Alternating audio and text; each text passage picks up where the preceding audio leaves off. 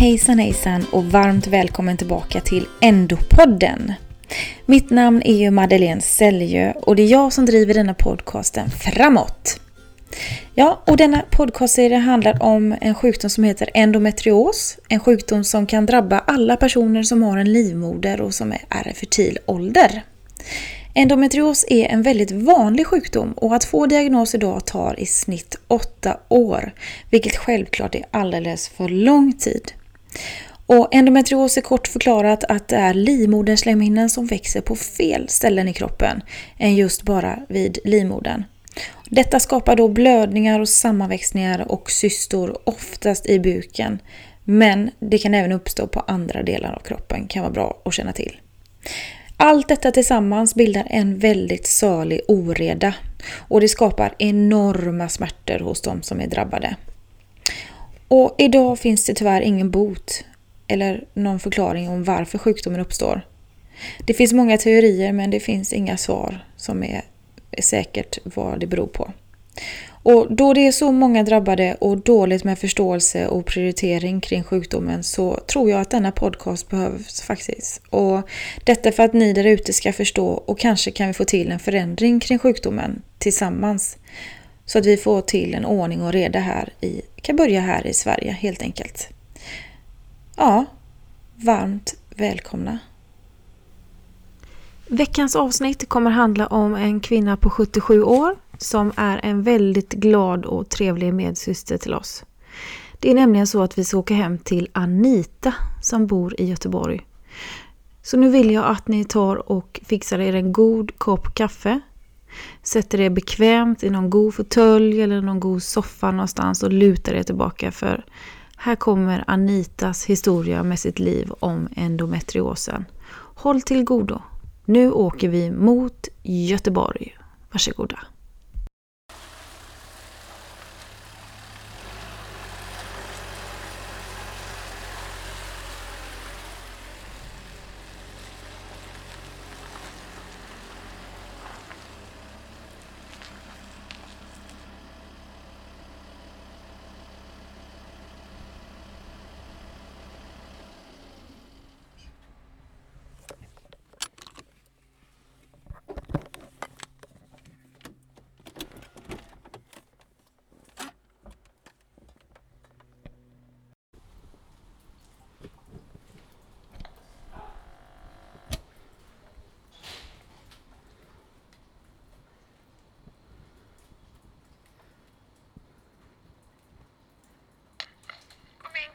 Tack, tack.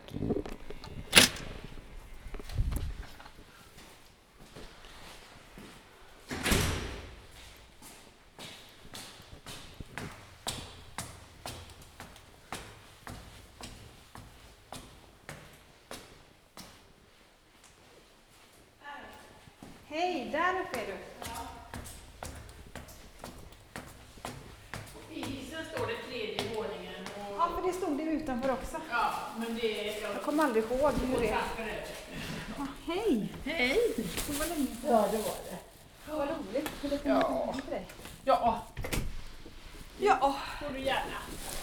Vad vill du ha? Kaffe eller vad vill du ha? Nej, men jag har med mig lite dricka faktiskt. Jag har inte börjat med kaffe än. Ja.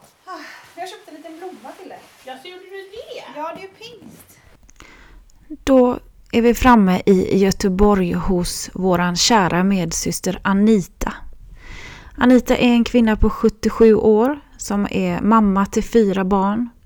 En glad, sprallig kvinna i sina bästa år som här vill berätta sin historia kring endometrios och kring hur allting började för henne.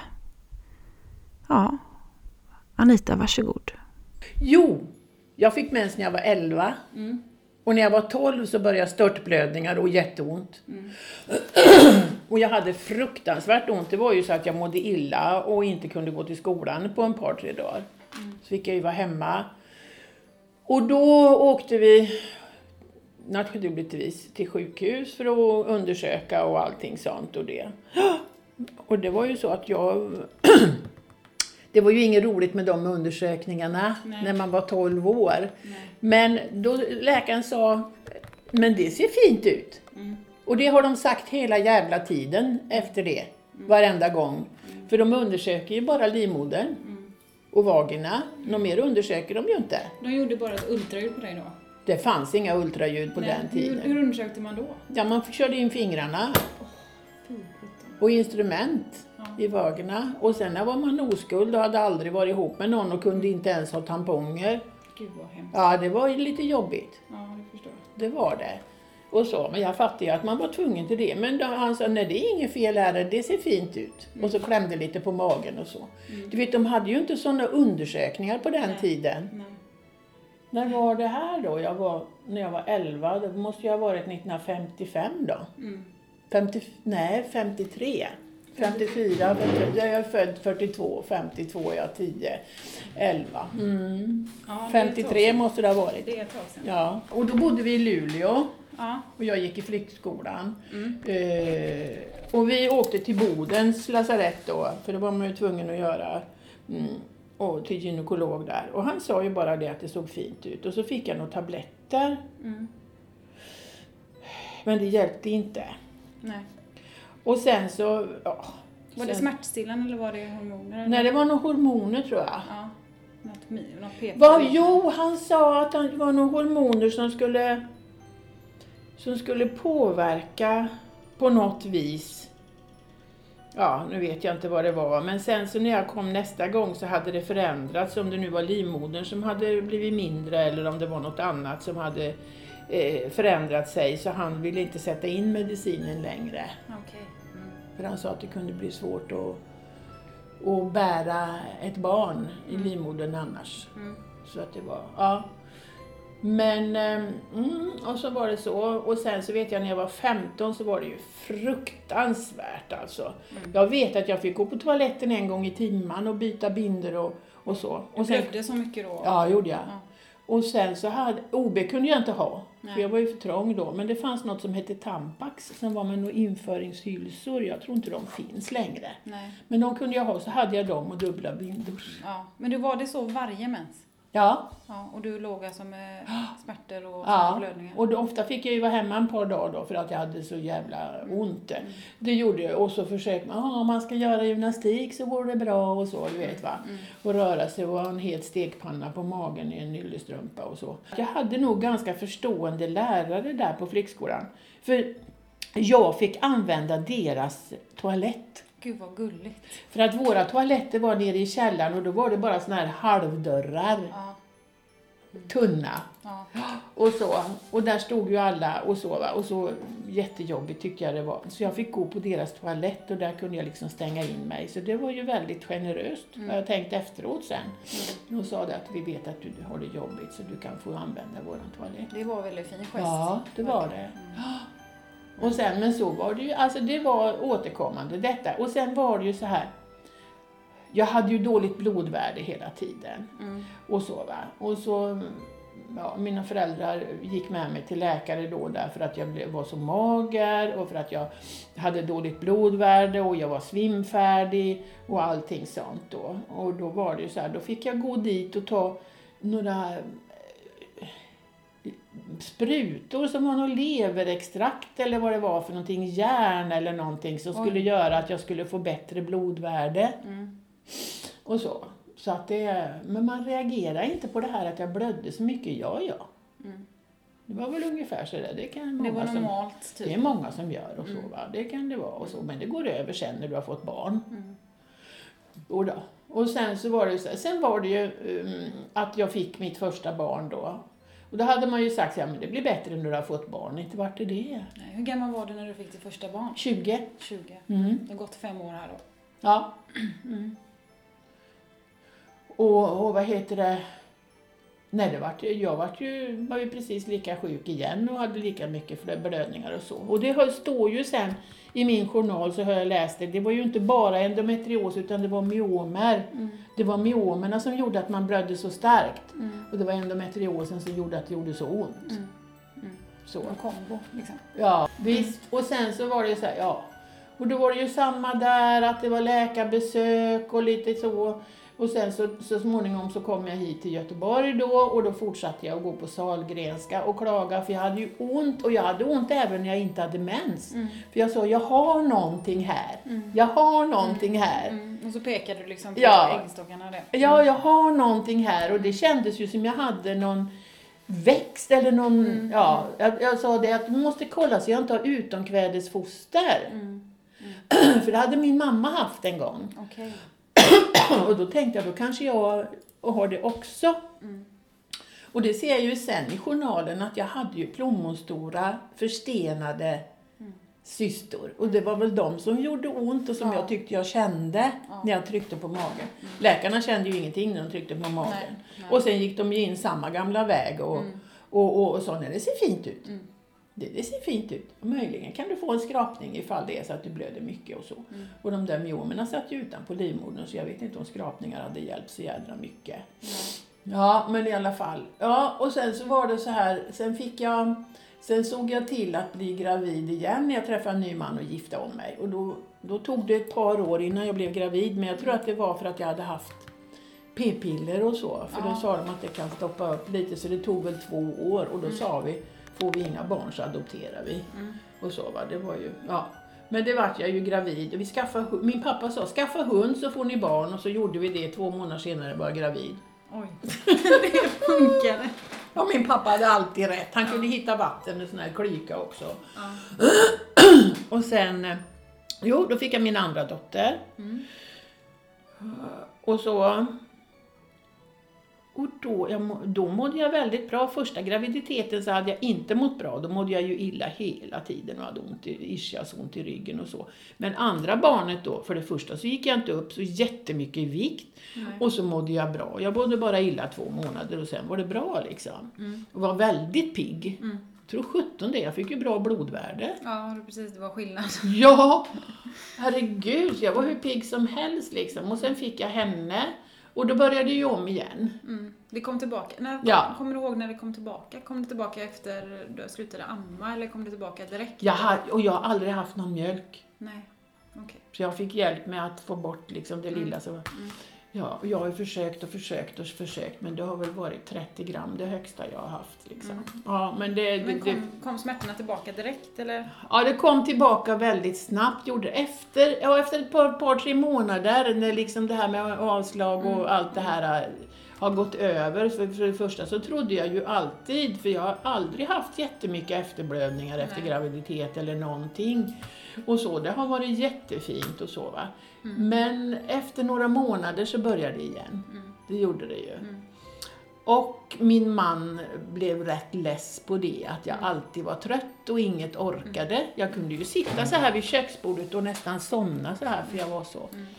Och så, du vet. Och orkade inte mycket. Men jag var ute med hunden och barnen jämt i alla fall. Men jag var hemmafru då. För han ville att jag skulle vara hemmafru. Och så. På grund av hans jobb och så. Och naiv och idiotiskt dum som man är, så det påverkar ju pensionen. Men så var jag ju det i, vad var det, i sju år tror jag var hemmafru. Och sen, jag fick ett tredje barn när jag var 31. Mm. För jag tyckte ju om att vara gravid. Jag tyckte ju om att vara gravid för då slapp man ju ha mens. Ja, då mådde du bra liksom? Ja, då mådde jag visst. Mm. Och jag orkade, jag kunde ju åka på semester eller åka på allt möjligt och Mm. på fest och vad som helst liksom så va, utan att tänka på att man hade blödningar. Men, men och sen så och sen så var man ju tvungen att tänka, ja innan dess så hade jag ju när jag var det där jättesmal och så, det hade ju varit lite varuhusmannekäng och lite grann sånt där. Men, men nu var jag ju hemmafru då och så. Och sen så var det ju så här att eh, vi flyttade till en av förorterna här i, i Göteborg, till Hammarkullen då. Och där var det ju ungdomar som for runt som skarn mm, och flaxa hit och dit och så. Va? Och jag tänkte någon måste ju göra något så jag började jobba som fritidsledare. Mm. Och det var ju väldigt bra för jag menar jag hade ju inte kunnat haft något krävande jobb och resa eller vara på något ställe liksom eller stå i affär eller Nej. någonting sånt. Uh, Och så, utan det var, det var väldigt bra att vara fritidsledare. Det var nära till toaletten. Ja. Eh, Jag kunde vara hemma ett par dagar om jag var sjuk eller dålig. För då var det ju samma och jag hade hemska menstruationer. Alla visste att jag hade jobbigt med, med det. Och a- alla, det var liksom, tog man hänsyn till då att liksom, ja men nu är Anita dålig igen. Ja men hon har ju jobbigt. Och så tjejer, det fanns ju flera tjejer som hade likadant. Värdefullt att ha förstående kollegor. Ja, och kollegor. Och sen ungdomarna hade ju Flera flickor hade ju sam, liknande problem som jag liksom och hade så ont så vi kunde ju stå där och, och röka tillsammans ute och, och klaga. Och sådär. Så att det var ju bra. Jag kunde sitta när jag ville, jag kunde gå när jag ville, jag kunde stå när jag ville. Liksom. För det var en sån arbetsplats, så det var jättebra. Men jag kunde inte åka på läger när jag ville och jag kunde inte åka med och bada när jag ville. Nej. Det kunde jag ju inte. Nej. Men det var bra. Men sen så... Vad var det sen då när jag gjorde? Hur, hur var det sjukvårdsmässigt hittills? Alltså från sjukvården? Fick du någon... eh, Nej men det var ju det att jag, ja, emellanåt så åkte jag ju in liksom Mm. så va? Men det var ju mest att man kollade mina blodvärden och sånt va. Och så fick jag Mm. extra mediciner och allt möjligt och så. Så det var ju och stärkande och, och så. Men det var ju liksom inte varje gång jag var på en gynundersökning så sa de ja det ser fint ut. det De var- sa aldrig något annat, det ser Nej. fint ut. och så. Och sen så skilde sig min man och jag och så gick det väl, ja, och sen så gick jag på fritidsledarutbildning på, på folkhögskola och så, och det var också jättebra men det var ju ett helvete när vi åkte på, åkte på fjällvandring och sånt och jag hade mens, vet du. Ja. Ja, så det var en pers. Men eh, ja, folk ställde ju upp och så, men vi fick ju paddla med en kanot över norska till Norge och köpa bindor en gång och så. Du vet, ja, du vet. Ja. Och jag fick ligga i ett tält och kråma mig liksom och så va. Och sen gå och vandra då, men ja, ja. Men vad hade du för taktik för smärtorna? Åt du någon smärtlindring eller liksom hade du någon egen? eh, Nej, det hade jag inte. Jag åt inte, för jag reagerade väldigt starkt på smärtlindring. Jag mådde inte bra när jag åt smärtlindrande. Nej. Det var väl så att jag kanske åt Magnecyl eller Alvedon eller Ja. något sånt. Ja, men inget starkare så? Nej. Sen träffade jag en ny man och sen så blev jag gravid igen för att det var också bestämt.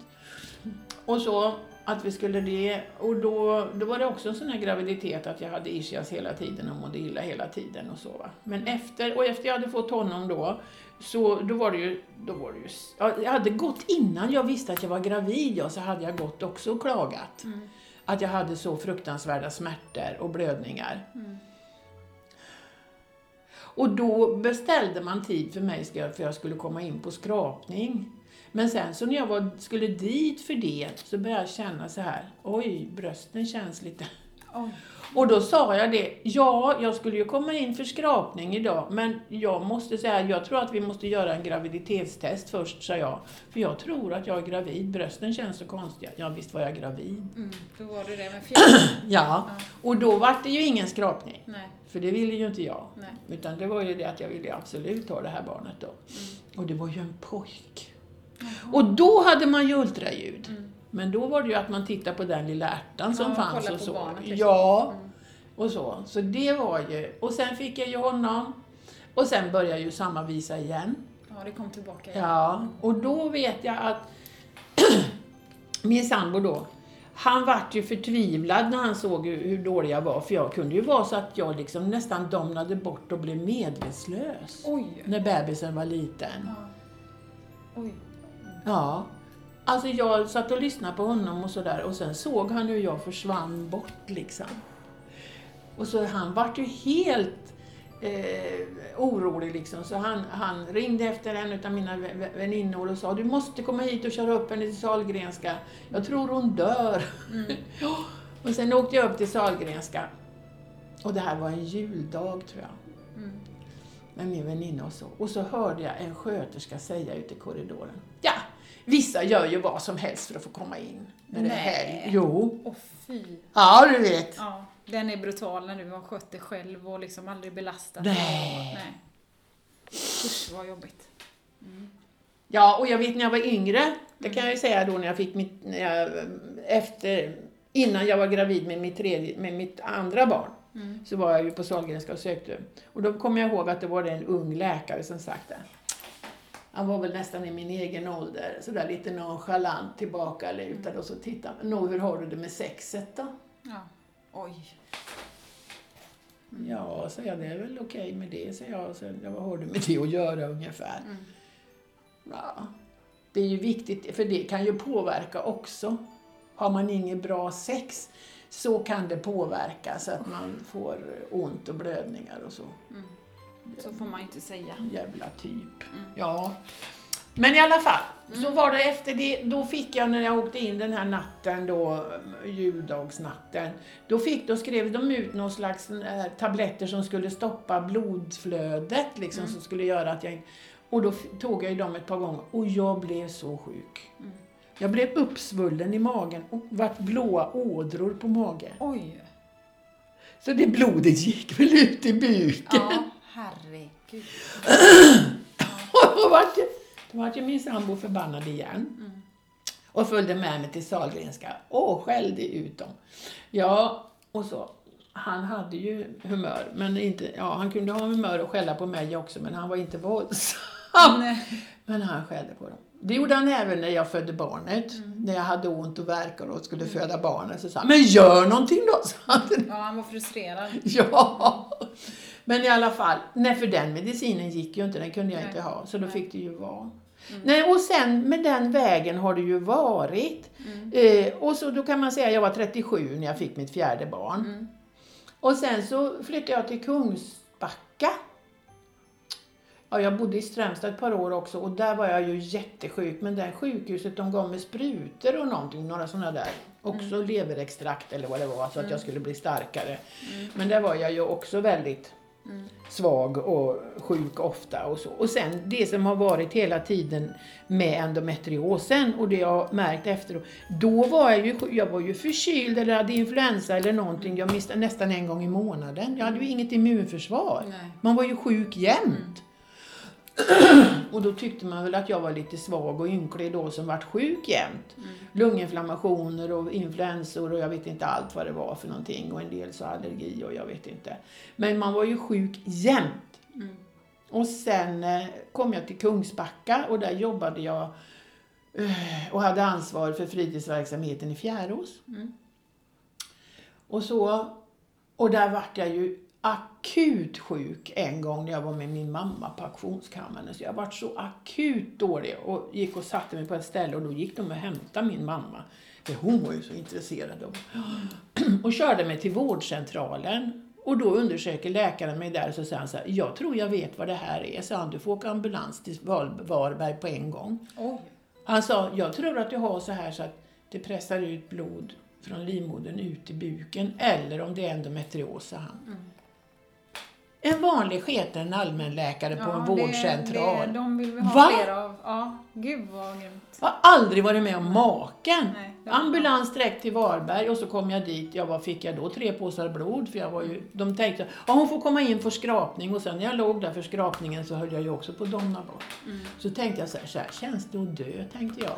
Men varför syns det aldrig på film att man får jättehuvudvärk? Alltså konstiga tankar man får ju. Mm. Så tänkte jag så här, nu kommer jag att dö. Och så började jag försvinna långt borta.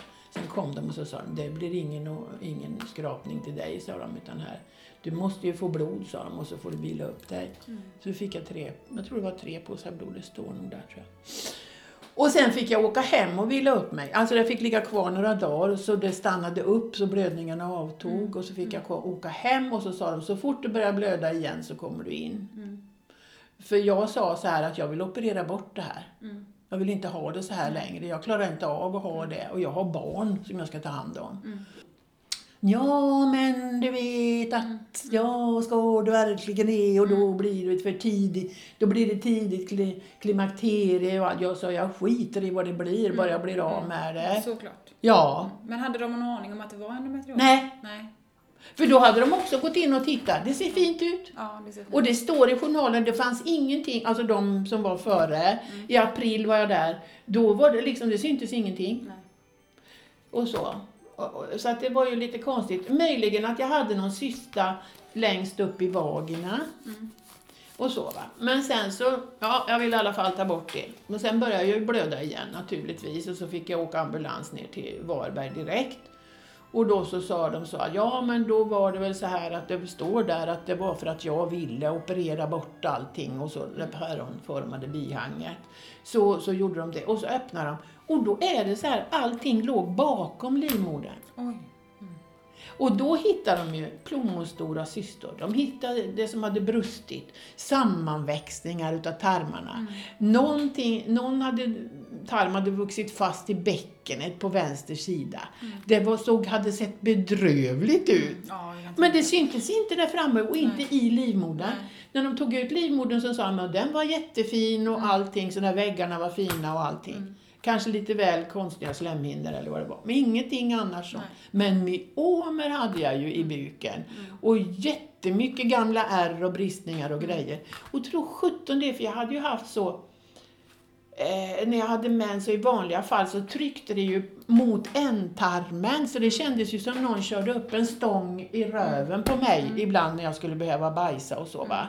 Så jag hade ju ont med sånt också. Ja, Att det låg och tryckte på ja, på. ändtarmen. Om, om det är någon som inte har koll på vad myomer är så kan du berätta lite om vad det bara är i och med att vi använder det ordet? Ja, det är något så bihang av något slag. Ja, ja. Jag kan tänka mig att, jag vet inte heller riktigt. Nej, nej. Men jag tror att det är något liknande som man har pol- polyper eller Ja, någonting precis, sånt. precis. Alltså det är några Någon utväxter. vävnad som växer. Vä- vävnad som växer och som sitter utanpå Mm. oftast. En del har ju myomer inom, inne i livmodern, men det hade inte jag, utan jag hade det utanpå. Och så va. Och sen var det just det här, chokladsyster sa man. Ja. Och, det var, och att det inte syntes, för de var förvånade, läkaren var förvånad också.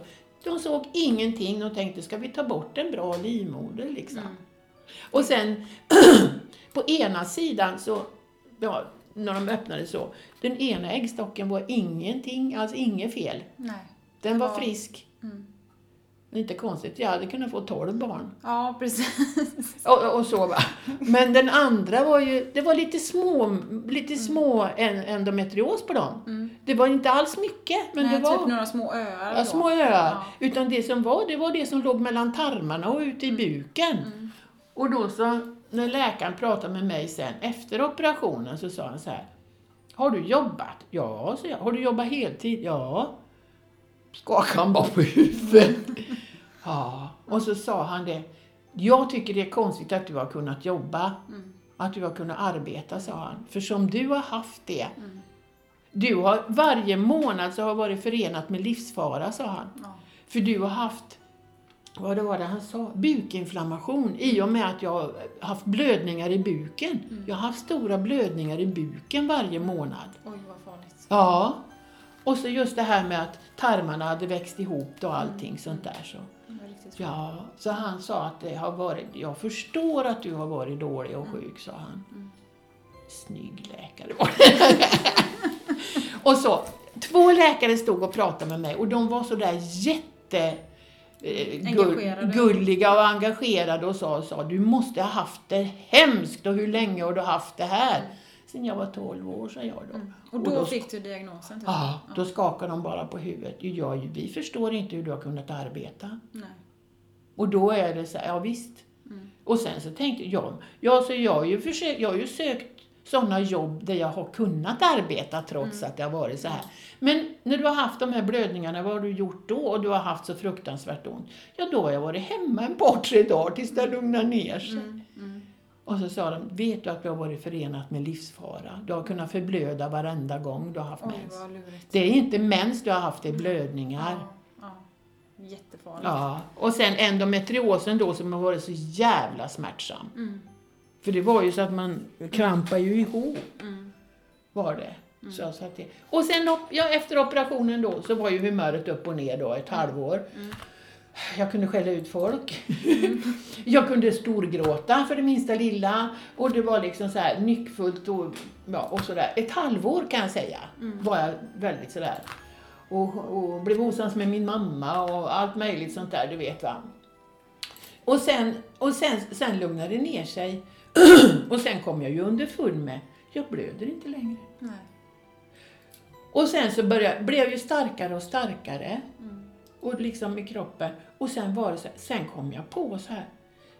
för då lugnade det ner sig. Mitt humör blev mycket lugnare. Inga sådana här förmenstruella reaktioner du vet nej. som man har eller någonting. Utan jag var lugnare så här. Och sen när man sa du kommer nu att vara i klimakteriet, ja det skiter jag i tänkte jag. Det bara jag liksom. Humöret blev mycket bättre. Och sen hade jag inte, jag hade lite småblödningar men det fick, alltså antagligen var blodkärl som var ytliga så det fick jag gå och bränna bara. Och så, men ingenting. Och sen var det så här, jag blev frisk. Och sen, sen kom jag ju på så jag har ju för fan varit handikappad. Jag har varit funktionshindrad. Något så in i helsike. Jag har ju inte haft ett liv. Nej. Och det har ingen utav er heller haft. Nej, Nej det, det, det är ju det tragiska. Det, jag börjar nästan gråta för jag tycker, alltså jag tycker det är så hemskt när jag läser om hur sjuka en del tjejer är och så vidare. Va? Jag tycker det, det är katastrof att vi har det så i Sverige. I Sverige! Ja. Det är... Jag tycker det är fruktansvärt alltså. Och efter det, efter det då att jag opererade mig och allting sånt där och det hade lugnat ner sig och så. Då hade jag inte influensa eller förkylning på tio år. oj. Jag var inte, jag kunde säga när jag bytte jobb, ja jag blir aldrig sjuk. Mm. Vilken skillnad. Och jag var inte sjuk. Nej. Aldrig sjuk liksom. Och de visste ju, jag kom tillbaka hit till Göteborg till mitt gamla område där jag hade jobbat. Och då berättade jag för dem att jag hade opererat mig och blivit, och jag som alltid var sjuk förr. Och nu var jag aldrig sjuk. Visst är det Det konstigt? jättekonstigt. Och det är ett, ett nytt liv. Ett nytt liv alltså. Men Vilken ålder var du då i? 42, 43 Ja, var jag då. det är så lång tid. Mm. Ja, det är mycket som kan bli bättre. Ja. Sen kan jag säga, jag vet inte om det, men jag hade liksom lite otur med de männen som jag ändå skaffade barn med, så jag är ju tacksam mot dem för det. Men jag har inte haft någon relation sen. Nej. Det har jag inte. Nej. Det, det, nej, och då ägnar jag mig åt barnen hela tiden har jag ju gjort. Och sen har jag fått barnbarn och svär, svärsöner och allt möjligt sånt där. Men däremot så har jag haft både manliga och kvinnliga vänner. Men det var så här, alltså det var någonting sånt där som att allt som hade med det här att göra blev någonting som jag Stängde av liksom. Ja. Däremot så har jag en man i byrån kan jag säga. Ja.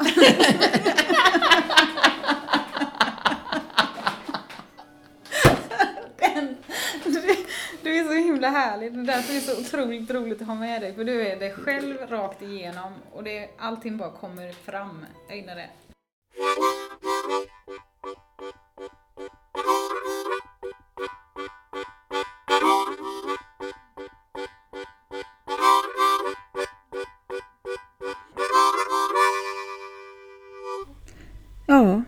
Anita gick väldigt många år faktiskt med sin sjukdom innan hon fick sin diagnos.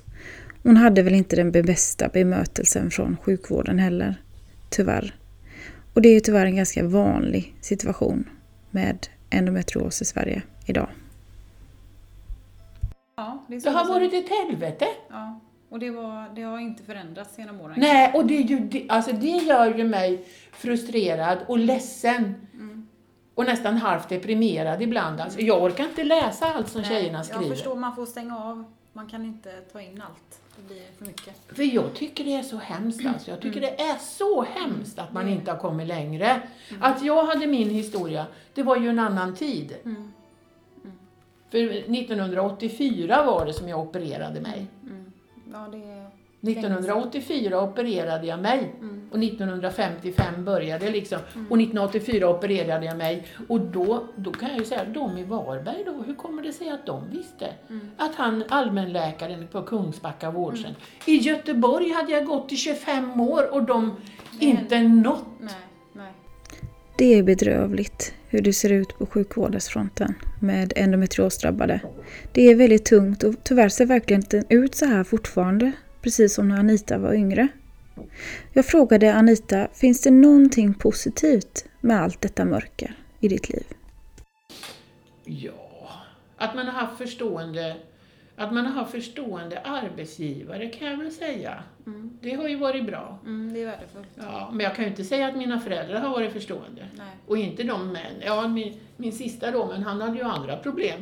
Men han, han kunde ju förstå det. Men min andra man, han tyckte ju bara det var jobbigt att jag inte var frisk. Mm. Finns det någon ärftlighet i din släkt? Ja, Det finns det. det finns det. Min, jag har fått veta att min farmor hade nog det. Mm. Min pappa berättade det, för hon hade ju fruktansvärda blödningar och hon hade, hon hade svåra menstruationer och så. Men hon var ju också väldigt fertil, hon fick ju nio barn. Mm. Jag förvånar mig inte om hon ville vara gravid hela tiden. Och sen så fick jag veta, så fick jag veta utav min, min dotter igår när jag pratade med henne i telefon eftersom hon har ju också Endometrios. endometrios och väldigt svår hade hon ju. Mm. Och så. Så var ju det att min före detta svärmor hade ju tydligen det också. Jaha, det... Mm. Så min, min dotter då, jag, t- mina tre döttrar har mer eller mindre, men min yngsta dotter har haft värst. Mm. Eh, och hon var ju väldigt ung, vad var hon, 22 eller något sånt där. Jag vet inte vad hon, hon var nog 20 eller 22 när hon opererade sig första gången. Men då hade hon gått här, i, hon bodde i Göteborg. Mm. Och så hade hon gått här i fem år hos olika läkare, det blev ingenting. Nej. Det ser fint ut. Ja. du vet. Och sen, så, och, så, och sen så flyttade hon till Stockholm och då tänkte hon jag måste ta reda på om jag kan få barn och då sökte hon upp en fertilitetsklinik i Uppsala. Mm. Och där upptäckte de att hon hade endometrios. Ja, då fick hon diagnosen. Ja, fick hon diagnosen och så skickade de henne till Huddinge sjukhus där man forskade på detta och då fick hon jättehjälp och sen har hon opererats två gånger och så för det. Mm. Där har de ju ett endometrioscentrum. Ja, Ja. och sen min andra dotter, hon har också, hade ju väldigt svåra smärtor men inte så jättestora blödningar tror jag inte hon har haft sådär. Men väldigt starka smärtor. Jag vet ju hur hon kröp på golvet liksom och, Mm. och så. Men eh, hon vägrar operera sig. Hon vägrar operera sig. Så hon har ju fått någon medicin som hjälper. Mm. Det är bra. Ja, och hon och så. Och min äldsta dotter, hon opererar bort alltihop. Mm. För hon hade också, hon har två barn. Mm. Och min mellandotter har tre barn, så att de har ju fått barn i alla fall.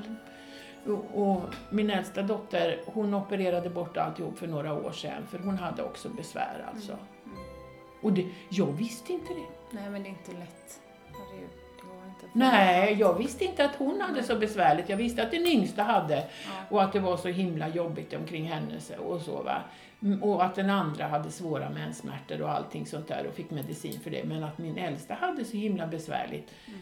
det visste jag inte om. Utan hon sa, ja, nu har jag opererat, va? liksom. Ja. Nu har jag opererat bort. Och det ville de ju inte. De ville ju inte att hon skulle få operera bort Nej. livmodern och Nej. så. Nej. Ja, men det, är- det är ungefär som att du förlorar din kvinnlighet. Mm.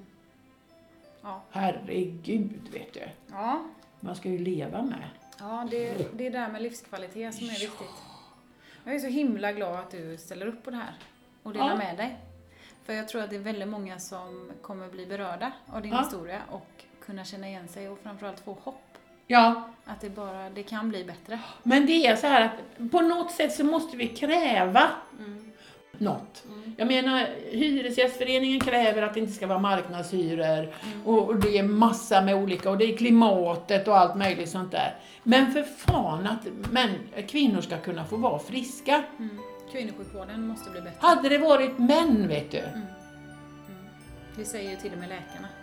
Ja, Hade detta varit en kvinnosjukdom så hade det varit löst. om det hade varit en manssjukdom. Ja, men Ja, tvärtom. det hade det varit löst. Ja. Jag vet, men Ja, så. nej, Så att det, nej, och jag, det gör mig jättefrustrerad och förbannad Mm. och ledsen. Mm. Jag blir så jä... ja, alltså jag blir gråtfärdig ibland när jag läser. Mm. Och jag tänkt att, att jag har gått igenom det, men jag är ju frisk nu. Mm. Men att det finns andra som är i det som jag har haft, och kanske ännu värre, Mm. och som inte kan få barn. Mm. Ja, så är det. Det kan kosta väldigt mycket. Ja. Så att det är, nej, Ja, jag, nej, det men- måste bli någonting och jag vet inte vad. För jag menar, hur många gånger har det inte stått i tidningsartiklar Mm. och hur många gånger har det inte tagits fram i TV sådär något sånär och att nu Mm. den här kvinnosjukdomen som minst 10 000 och har och så vidare eh, och, och allting sånt där. Och så säger de det i någon rad och sen så är det borta. Nej, det är bedrövligt. Men jag hoppas verkligen att eh, det här eh, att den här podden och det här avsnittet når ut. Ja. Och att det är folk som faktiskt hjälper till och engagerar sig. För det räcker Ja. inte att vi sitter här och Nej. pratar om detta nu, utan det behövs ju vara fler människor som Ja. agerar. Mm. Det är det ju. Men nästan alla känner ju någon eller har någon släkting eller någonting ja, sånt ja, som det, har... det går att väcka. Vi tackar så här mycket. Ja. Nu har vi tjatat på en stund. Tack så jättemycket för att du är med Tack och själv. berättar din historia. Tack själv. Jag hoppas att det blir någonting bra nu så att det går ut till jättemånga. Det blir det. Ja, Det får vi bestämma. ja. Tack så mycket Anita. Tack själv.